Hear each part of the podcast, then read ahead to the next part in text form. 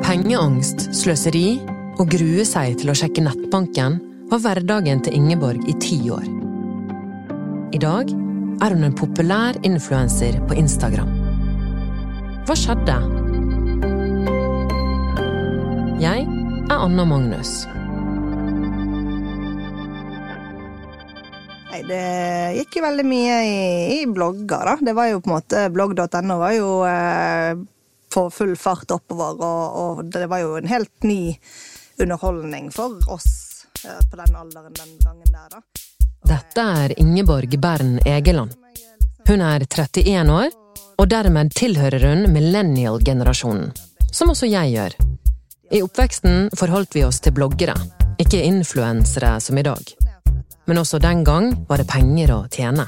Jeg var jo også veldig fan av uh, sex og singelliv. Uh, oh my god, binget. Der, uh, jeg hadde den der sjuboksen med liksom alle DVD-ene oppi, og syntes jo det var utrolig kjekt. Elsket det.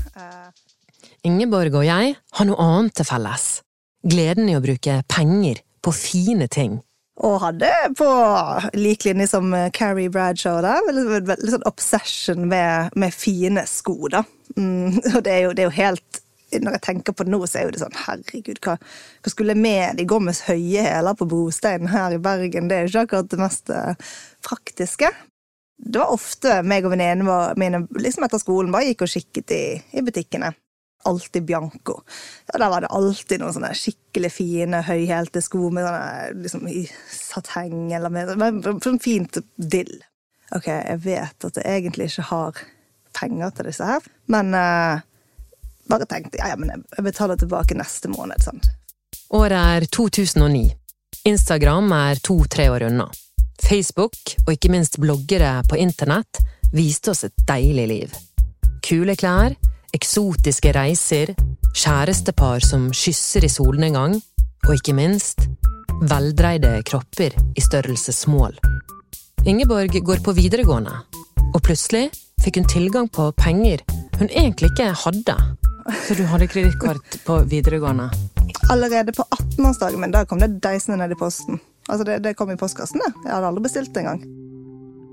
Det ballet på seg. Når lønningen fra restauranten hun jobbet på som ringevikar var oppbrukt, kunne hun sveipe masterkortet. Men 19 år gamle Ingeborg hadde også et annet problem. Det er nok noe som egentlig har hengt med meg eh, ja, gjennom hele oppveksten og seinere tider, at jeg har følt at jeg aldri er tynn nok eller fin nok, eller ja. Da hadde meg og en venninne lest litt om og sett litt blogger og sånn som hadde liksom tatt og operert seg. Og så var vi sånn, ja, skal vi bare gå på en konsultasjon for å liksom bare se hva det går i, da. Ja, denne her størrelsen, den blir fin til deg. Og jeg bare, ja, ok, ja, liksom, jeg visste jo ikke helt hva jeg skulle si, liksom, for jeg hadde jo egentlig ikke tenkt til å gjøre det der og da, men så blir man litt sånn hypet opp av hverandre og sånt, og da, meg og hun venninnen.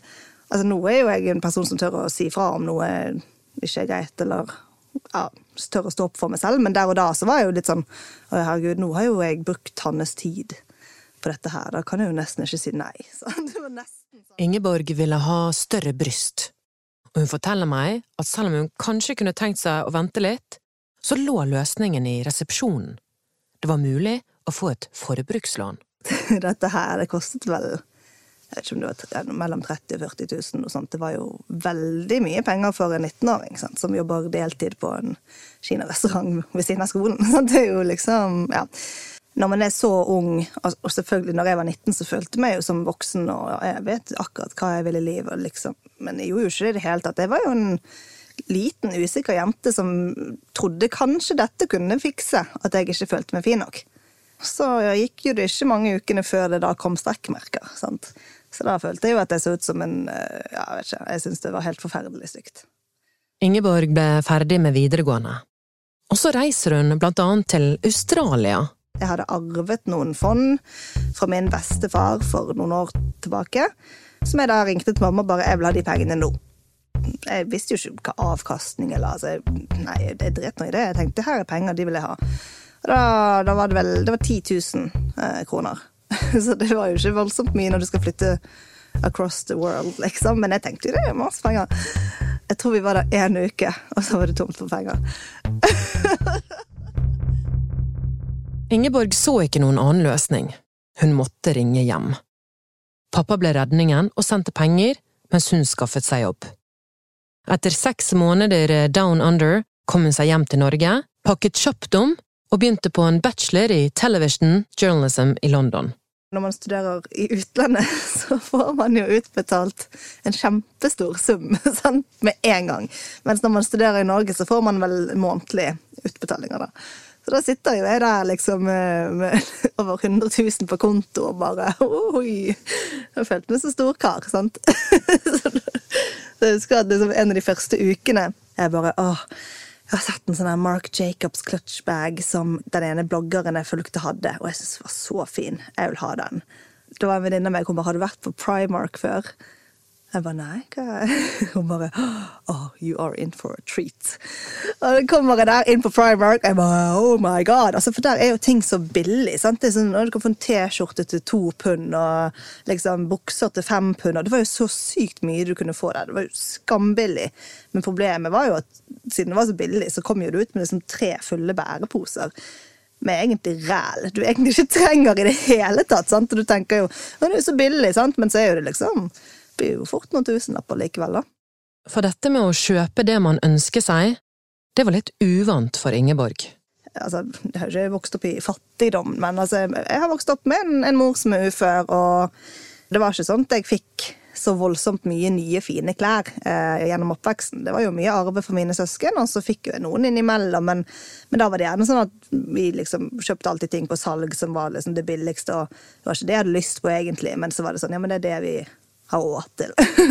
og jeg tror at med en gang jeg, denne her shopping addiction-greiene begynte jo sikkert allerede når jeg var ja, når jeg fikk min første jobb som 16-åring. For da fikk, fikk jo inn penger selv og kunne bruke de til det jeg ville selv.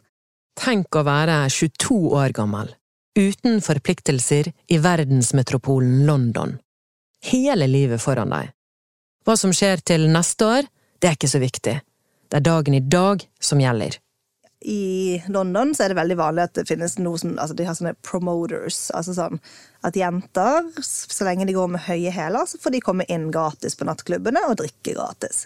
Så rene det var ikke så dyrt å liksom gå ut mye, fordi vi betalte jo ingenting for alkoholen. sant? Og, og da var jo jeg der at jeg måtte jo leie alene. Det kostet jo Jeg hadde kjempelite helt forferdelig stygt rom i et kollektiv der jeg bare prøvde nesten aldri være hjemme der, fordi det var, det var så ekkelt. da. Um, og det betalte likevel ja, 6000-7000 kroner for i måneden. sant? Det var, det var trange kår. så det var nok sikkert et par runder. Jeg husker ikke hvor mange ganger jeg har eller ba min far om lånepenger, låne penger, men jeg, han hadde jo et regnskap, da. Hun var hjemom i Norge da hun skjønte at hun hadde vondt i brystene. Hun fikk beskjed om at hun hadde fått en kraftig kapseldannelse. Dette er en av de vanligste komplikasjonene ved brystforstørrelse, og det betyr at hinnen som kroppen danner rundt brystprotesen, trekker seg sammen. Da kan brystet bli hardt og ømt. Silikonen måtte ut, og det kostet penger. Heldigvis visste hun hvem hun kunne ringe. 12 000 kostet det å ta de ut. Så da måtte jeg låne penger av pappa igjen, da. Fordi han, eh, men han syntes jo også det var en veldig forferdelig kjip situasjon, da. Så han støttet meg jo der, da. Eh, og, og lånte meg de pengene. Det var veldig, veldig fra meg, og det tok faktisk det tok veldig mange år før jeg ville vise meg, liksom, uten noe på meg oppe, da. Etter endte studier i London flyttet hun inn hjemme hos pappa. Sammen med han, som medlåntaker, klarer hun etter hvert å kjøpe seg en liten leilighet. Men Ingeborg forteller meg at hun jobbet mye, og livet gikk ikke helt veien. Ja. Eh, der jeg da ble sykemeldt eh, med depresjon, og begynte å gå i behandling for det ganske, ja, ganske lenge en lang prosess med å, å, få sykepenger, og når man da skal begynne å komme tilbake igjen i arbeidslivet, få arbeidsavklaringspenger, og, og da var det jo veldig sånn at Jeg tror nok jeg ble veldig mye ekstra hengende bakpå.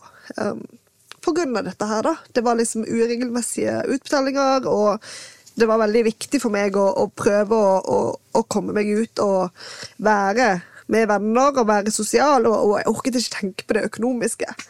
Um, når det var så mye annet som var vondt, sant? Etter hvert som Ingeborg kom seg på beina og følte seg bedre, fikk hun overskudd til å se over økonomien. Da knøt det seg i magen. Hun betalte ned på høye renter på forbrukslån.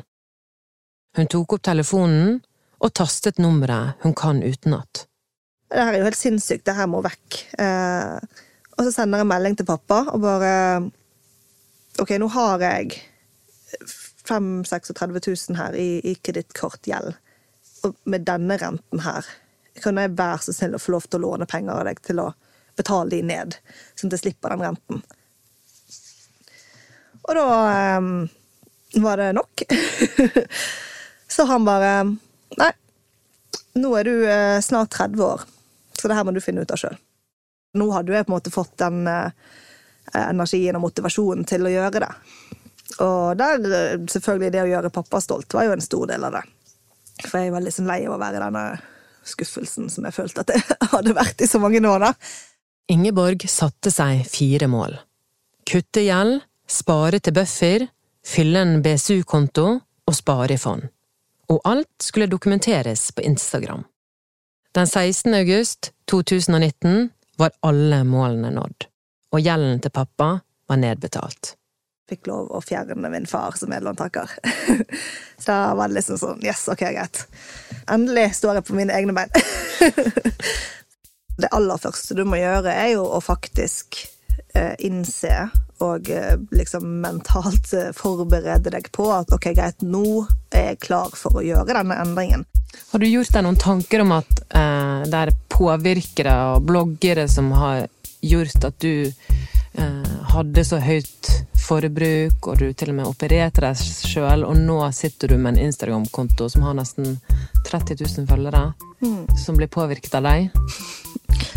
Ja, det har jo jeg, og det, det er jo Jeg har jo på en måte nå for liksom, first hand sett hvor vanvittig mye makt, eller altså innflytelse, influensere i gåsetegn har, da.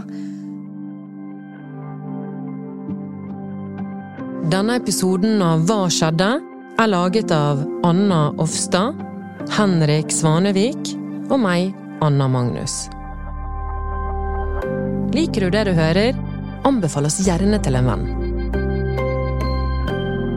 Eller tips oss på hva skjedde at bt.no.